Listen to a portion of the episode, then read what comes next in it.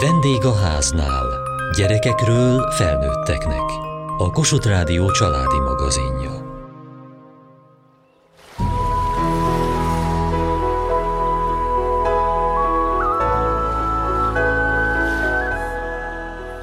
Mindenkit megrázott a magyaróallergiás kisfiú esete januárban. Kiderült, hogy alig tudunk valamit erről a betegségről. Pedig ha ez megváltozna, talán sok életet menthetnénk meg.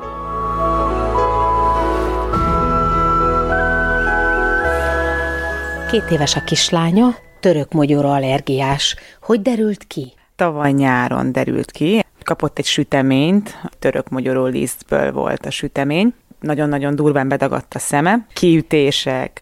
Akkor ugye gondoltam már arra, hogy ez allergia, de még nem tudtam pontosan, hogy milyen és rá egy olyan fél órára volt neki egy nagyon-nagyon súlyos reakciója, hogy hányt. És ezt már anafilaxiásoknak nevezik. És ezt, hogy ő egyáltalán súlyos allergiás, ezt idén évelején tudtam meg. Hogy derült ki? Elvittem gyerekorvoshoz, és a gyerekorvos tovább küldött az allergológushoz, és az allergológus küldött minket molekuláris vizsgálatra. Akkor derült ki, hogy a török mogyorónak melyik molekulájára allergiás. És akkor tudtuk meg, hogy lényegében neki ez egy olyan súlyos allergiája, amihez mindenképp adrenalin injekció kell legyen tartalékba abban az esetben, hogyha ő kap egy ilyen anafilaxiás sokkot, évelejétől kezdtük el a bölcsödét, tehát nyilván olyan dolgokat, amiben török van, értelemszerűen ne legyen. Ennek ellenére én kerestem neki egy bölcsödét, ami számomra szimpatikus volt, és megkezdtem őt beszoktatni oda. Elmondtam az elején, hogy neki allergiája van, én úgy láttam, hogy abszolút készségesen fogadják, ezáltal kialakult egy bizalom feléjük, és akkor egyszer csak reggel még beadtam a gyereket a bölcsödébe, és délután közölték, hogy itt nem maradhat, mert hogy allergiája van. Tehát ezt tudták. Igen, és akkor jöttek a kérdőjelek. Hát lényegében azért, mert speciális intézményre van szüksége, ahol kifejezetten az allergiás gyerekeknek tudnak főzni. Na de hát befogadták a gyereket, tudták, hogy allergiás. Igen, és ennek ellenére hoztak egy ilyen döntést, legfelül egy vezetői döntés született, hogy ne legyen allergiás gyerek egy olyan intézménybe, ami nem tudja biztosítani az ő étrendjét. Miután tudták, hogy török magyarul allergiás, arra kell figyelni, hogy ne legyen török magyaró vagy dió az ételbe. De azon kívül bármilyen, ami főzelék, hús, bármi ott megállapítottuk, hogy egyértelműen nem tartalmaz török magyarót, tehát hogy miért is indokolt az, hogy ő azt ne kaphassa nagyon szigorú szabályok figyelik az allergiás gyerekeket, akiknek nem lehet akármilyen terméket adni, nagyon sokféle dolognak kell megfelelni annak a terméknek. És ezt nem tudják biztosítani a bölcsödében? azt állították, hogy ők nem tudják biztosítani, illetve ha már egyszer van egy ilyen bölcsöde, aki viszont tudja biztosítani, ezért őt automatikusan oda teszik. És akkor most lényegébe elkezdtem az egészet előről, és most beszoktatom újra attól függetlenül, hogy én ezt valahol értem, hogy neki mondjuk speciális diétára van szüksége. Azt viszont nem értem, illetve nem tudom elfogadni, hogy a lelki vonatkozását azt egyáltalán nem figyelik. Én értem, hogy a gyereket megmentjük a mogyorótól, de ezen kívül semmit nem néznek. És milyen az új hely? Hogy bírja a kislány? Egyelőre még nagyon az elején tartunk, tehát még csak most kezdődött el, meg fogja tudni szokni. Nem feltétlenül tudja, hogy ez most megint egy bölcsöde. Hát majd meglátjuk. Itt garantálják, hogy nem lesz török magyaró, igen. Úgy látom, hogy ez magának egy kicsit nehezebb, mint a gyereknek. Nekem mindenképp. Egy részről természetesen neki mindenképp a legjobbat adjam, legjobb helyen tudjam, legjobb kezekben.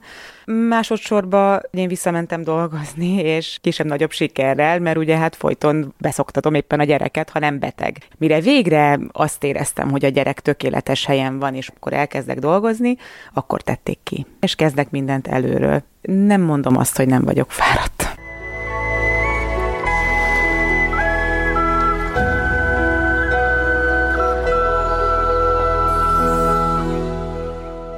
A mogyoró allergia hova tartozik? Dr. Csáki Csilla allergológus. A mogyoró allergia a táplálékallergiák közé tartozik. Legfontosabb ugye ezek közül a földi mogyoró, vagy más néven amerikai mogyoró, amit a Mikulás csomagban is megtalálhatunk. Van az úgynevezett európai mogyoró, vagy török mogyoró, nálunk is bokrokon, fákon megtalálható. A mogyoró allergia melyiket akarja? Takarhatja az egyiket, vagy a másikat, vagy mind a kettőt is egyszerre. Miért fontos e között különbséget tenni? Pusztán azért, hogy tudjuk azt, hogy melyiket nem ehetjük? Elsősorban igen. Ugye a földi mogyoró allergia külön allergia kategóriaként létezik, az egyéb mogyoró dióféléktől elkülönítetten jelölik. Ennek valószínűleg az az oka, hogy az angol száz országokban már évtizedek óta nagyon elterjedté vált a földi mogyoró allergia. Most a leggyakoribbak a földi mogyoró, a másik a kesudió. Nagyon kevesen ismerik ezt a típusú allergiát, ugye nyilván magát a kesudiót is kevesen eszik, ugyanakkor diákcsemegékben, magkeverékekben, aszalványokban szinte mindig jelen van. Bekapja, és jön a rosszul lét. Mik a tünetek? Például a kesudió nagyon pici mennyiségben is tud ilyet okozni, tehát itt nem egy szem, hanem akár egy aszalt gyümölcsel érintkező morzsától vagy áfonyától is lehet rosszul. Ahogy lenyelte azt a falatot, elkezd hányni, öklendezni, fáj a hasa, dagad a szája, dagad az arca, nem tudja abba hagyni a hányást. Ezek a legfőbb tünetek. Esetleg nem is kap rendesen levegőt, elmegy a hangja, mutogatják a gyerekek a szájukat, hogy ott valami bent nem stimmel. Ez halálos? Lehet halálos, és akkor a legsúlyosabb esetben megáll a szíve. Létezik olyan, hogy enyhe allergia, ha a mogyoró dió allergiáról beszélünk? Létezik, létezik. Ezek az általában nem kisgyerekkorban, hanem inkább serdülőkor, felnőtt korban jelentkező típusai. Ilyenkor az a panasz, hogy ette már eddig is a mogyoró diót, de mostanában azt érzi, hogy viszket tőle a nyelve, bizsereg a szája, esetleg gombócérzés alakul ki, kicsit megdagad a nyelve az illetőnek. Ez az úgy úgynevezett pollen keresztallergia, tehát pollen gyümölcs, pollen zöldség keresztallergia, amikor az illető előbb allergiás a pollenre, ezek általában a kora tavaszi nyírfafélék, ezek nyers fogyasztása kiváltja a viszketés, dagadást, ez általában nem szokott nagyon súlyossá válni. És gyerekeknél ezért nagyon fontosak a megfelelő vizsgálatok. Az úgynevezett molekuláris allergia vizsgálattal pontosan fel tudjuk mérni, hogy milyen típusú allergiája van, ugyanis attól függően, hogy az adott mogyorónak melyik fehérjéjére allergiás a gyerek, lehet az ő allergiája egy súlyosabb vagy egy enyhébb típus, és a súlyosabb pont azt jelenti, hogy a következő fogyasztásnál milyen esélye van annak, hogy egy anafilaxiás, tehát sokkos állapot kialakul alakuljon. De általában az első tünet tényleg csak annyi, hogy bepirosodik a szája, feldagad a szája. Ebből a szülő még nem fogja tudni megmondani, hogy ez egy súlyos allergia lesz a későbbiekben, vagy egy enyhébb típusú. Előfordul az, hogy az első találkozásnál azonnal súlyos szövődmény van? Sajnos előfordulhat, tehát az említett kesudió, földi magyaró, ezek a jó nagy rosszul létek általában első találkozásnál szoktak kialakulni. Igazából nem tudják, hogy miért van, valószínűleg azért, mert egyrészt anyatejen keresztül, méhen keresztül is, méhen belül is találkozhat az adott fehérjével, illetve külön kockázati tényező a csecsemőkori ekcéma, vagy atópiás dermatitis. Náluk arra gondolnak, gondolnak a kutatók, hogy a bőrön, a sérült bőrfelszínen keresztül is bejuthatnak allergének a szervezetbe, és az inkább vált ki így bejutva allergiás reakciót, mint hogyha táplálék formájában találkozna vele először. Milyen lesz annak a gyereknek az élete, akiről kiderül, hogy ezzel az allergiával küzd?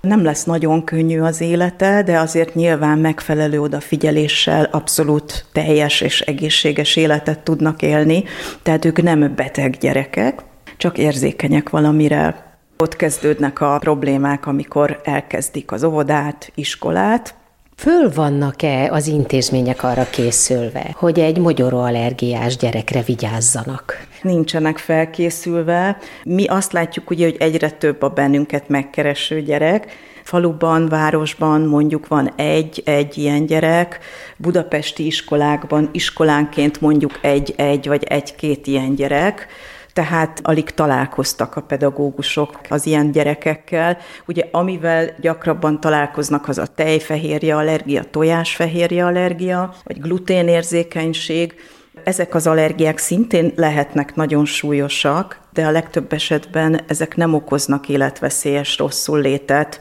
egy diéta hiba esetén.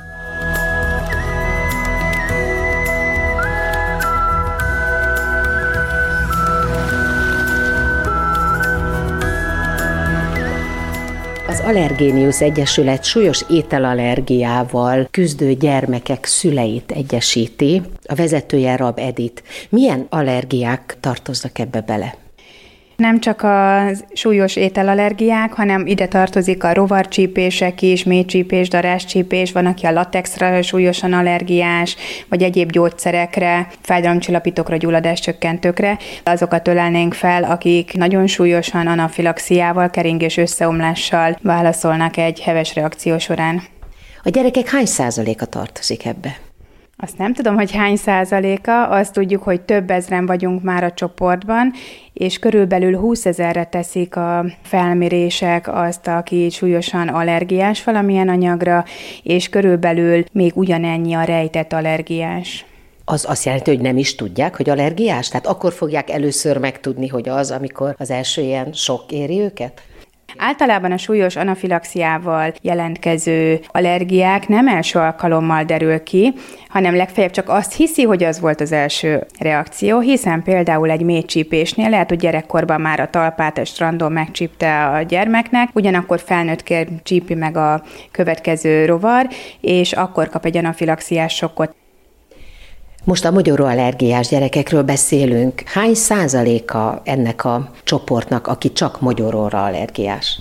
A csoport nagy része nem egyfélére allergiás, hanem több mindenre, és külön kell választanunk a földi magyarót a magyarótól, ez két külön csoport, de jellemzően a tejre, tojásra is van, aki anafilaxiával reagál. Illetve nagyon sok orvos is, amikor kivizsgál egy gyermeket, vagy csak látott rajta már kisebb porba tünetet, akkor egyszerűen minden olajos magvaktól eltiltja, és azért ez egy elég nagy csoport. Azon kívül, hogy ezzel árthatunk is neki, hiszen nagyon jó lenne, hogyha a gyerekek megkapnák azokat az alapanyagokat, tehát mondjuk egy pisztáciát akkor ő ehetne, ha csak a mogyoróra allergiás, vagy ha csak a földi mogyoróra allergiás, a sima mogyorót eheti, hogy a többire ne alakuljon ki az allergia.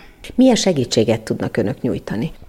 Azon kívül, hogy lelki segítséget is nyújtunk ezeknek a családoknak, hiszen amikor a diagnózist megkapják, nagyon kétségbe esik minden szülő, és pánikszerűen keresgél mindent az interneten, hogy hogy is kell ezt elképzelni. Minden nap még mi is tanulunk általában új dolgokat, rádöbbenünk, hogy mibe is lehet az az allergén. Főzésben praktikus dolgokat, hogy milyen termékeket lehet megvenni. Ezen kívül ugye most egy összefogással kialakítottuk az Allergénius programunkat, aminek 19 programja van, és egy jogszabály módosítást szeretnénk a különböző nevelési és oktatási intézményekbe, hiszen ezeket a gyerekeket nagyon nehezen látják el, ezek az intézmények nehezen veszik fel, fogadják el, és az a tapasztalat, hogy a társadalom egyszerűen kirekeszti őket, csak azért, mert semmit nem tudnak az egészről, számukra hihetetlen, hogy valaki meg is halhat egy ilyen súlyos allergia folytán. Mi az, amit az intézményeknek biztosítani kellene az ilyen gyerekeknek? Szeretnénk minden intézményben legyen két autóinjektor, ez az egyetlen eszköz, gyógyszer, ami megmenteti egy súlyos anafilaxiás roham esetén a gyermek életét. Emellett kell az is, hogy a pedagógusok, illetve a dolgozók felismerjék a súlyos allergia kezdeti tüneteit, és el is tudják látni, tudják használni. Ugye ilyenkor, mikor valakinél felfedezik, már a keringése kezd összeomlani, súlyosan hány, légzési problémái vannak, akkor az a pedagógus egy hatalmas stressz helyzetnek van kitéve, és hogyha begyakoroltatjuk elően, akkor biztos, hogy jobban el fogja tudni szakszerűen látni azt a gyermeket, a képsegítségre szorul.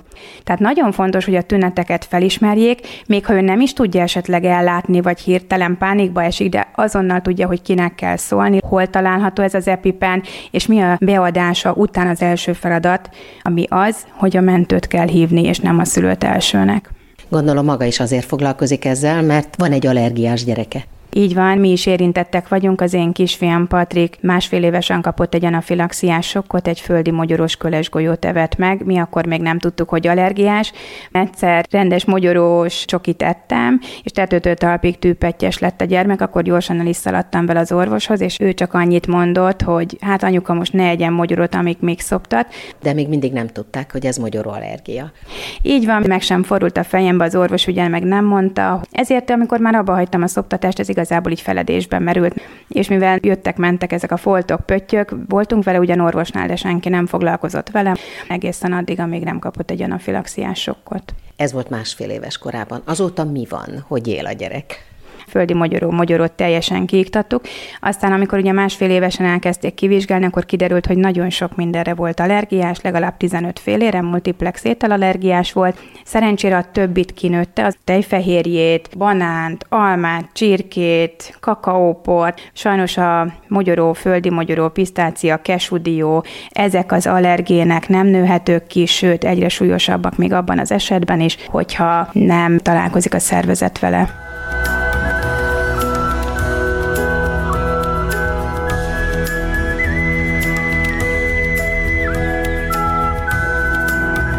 Horvátországban voltunk, amikor egy fánkot ettem, és elkezdett dagadni a szám, szóltam anyának, és rohantunk az epipenért. És mit kell vele csinálni?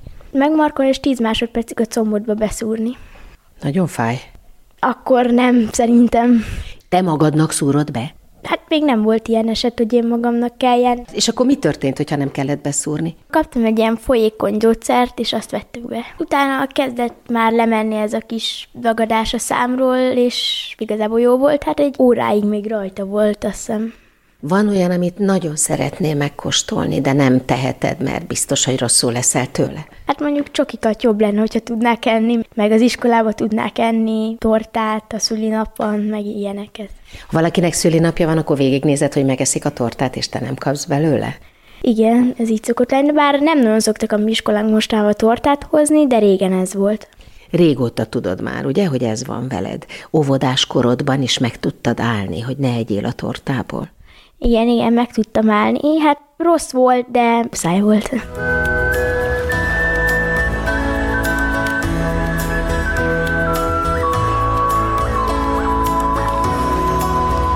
Janklovics Natasa az Allergénius Egyesület szóvivője. Nem ismerik ezt a betegséget? Nagyon keveset tudnak róla, rengeteg tévhit társul hozzá, amit szeretnénk kitisztázni. Illetve, amit az elmúlt hetekben felismertünk, hogy nagyon sok diagnosztizálatlan eset van. Hogy jöttek erre rá? Én egyik képem, amit kitettem a kisfilmről a Facebookra, piros kiütések vannak a szájak körül, és azóta engem számos szülő megkeresett személyesen, hogy az ő gyermeküknek is vannak ilyen kiütései súlyos allergénfogyasztása után, akkor el kellene menni egy szakemberhez, és a válaszunk, hogy igen. Általában ilyenkor az szokott lenni, hogy ja Istenem, nem is tudom, hogy mit evett és mitől.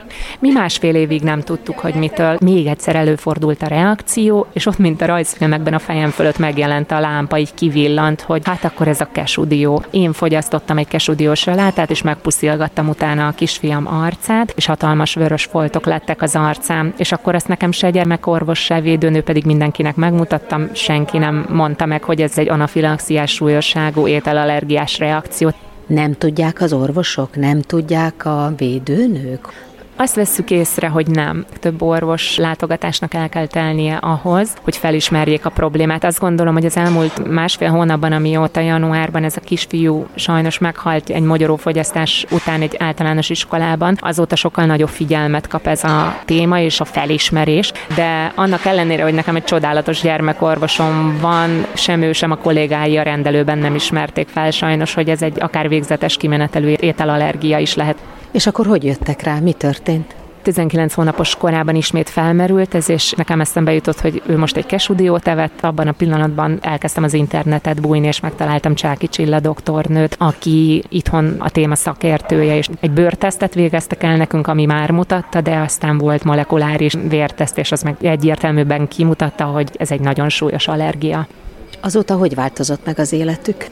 Nagyon nehéz volt feldolgozni, hogy hogy lehet így élni, tehát még a mai napig nem jár intézménybe, és mi gondoskodunk róla, tehát nem kell idegenek kezébe adni, de azért meg kellett tanulnunk ezzel együtt élni, hogy igenis a mi életünk egy folyamatos tervezés, de itt egy nagyon nagy tévhit, hogy például csak allergén elfogyasztásakor lehet reakció, tehát hogy nem kell ahhoz megenni az allergént, hogy anafilaxiás rohamot kapjon valaki, elég, hogyha megpuszilgatjuk például nutellás kenyeret eszik valaki, és összefogdossa a játékokat az óvodában azzal a kézzel, és az én kisfiam például a szájához ér, akkor ő attól ugyanúgy kaphat anafilaxiás sokkot. Ezek a láthatatlan ellenségek, amivel nehéz és nehéz lesz majd megküzdeni, de próbálunk teljes életet élni ezekkel együtt az egyik legfontosabb célunk, hogy azokban az esetekben, ha ismerten ilyen súlyos ételallergiás van egy óvodai csoportban vagy egy iskolai osztályban, akkor egy biztonsági hálót vonjon köré az intézmény. Elég kicsi azoknak az ételeknek a köre, beszélek itt a nutellás kenyérről, beszélek itt a földi magyaros műzli szeletről,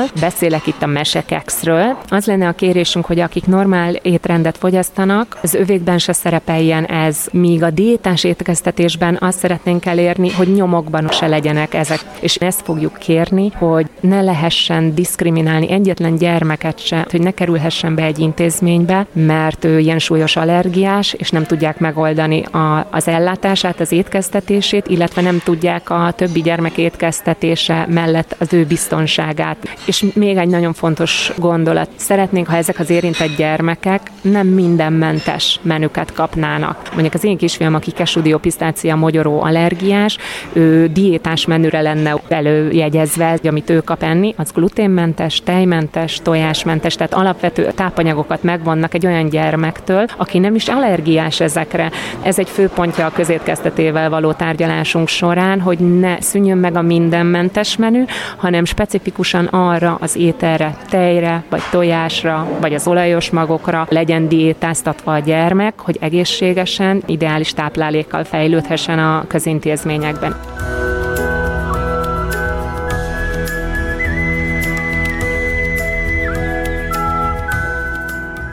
Kövessék műsorunkat podcaston, vagy keressék adásainkat a mediaclick.hu internetes oldalon. Várjuk leveleiket a vendégháznál kukac mtva.hu e-mail címen. Műsorunk témáiról a Kossuth Rádió Facebook oldalán is olvashatnak. Elhangzott a vendégháznál. A szerkesztő riporter Mohácsi Edit. A gyártásvezető Mali Andrea, a felelős szerkesztő Hegyesi Gabriella.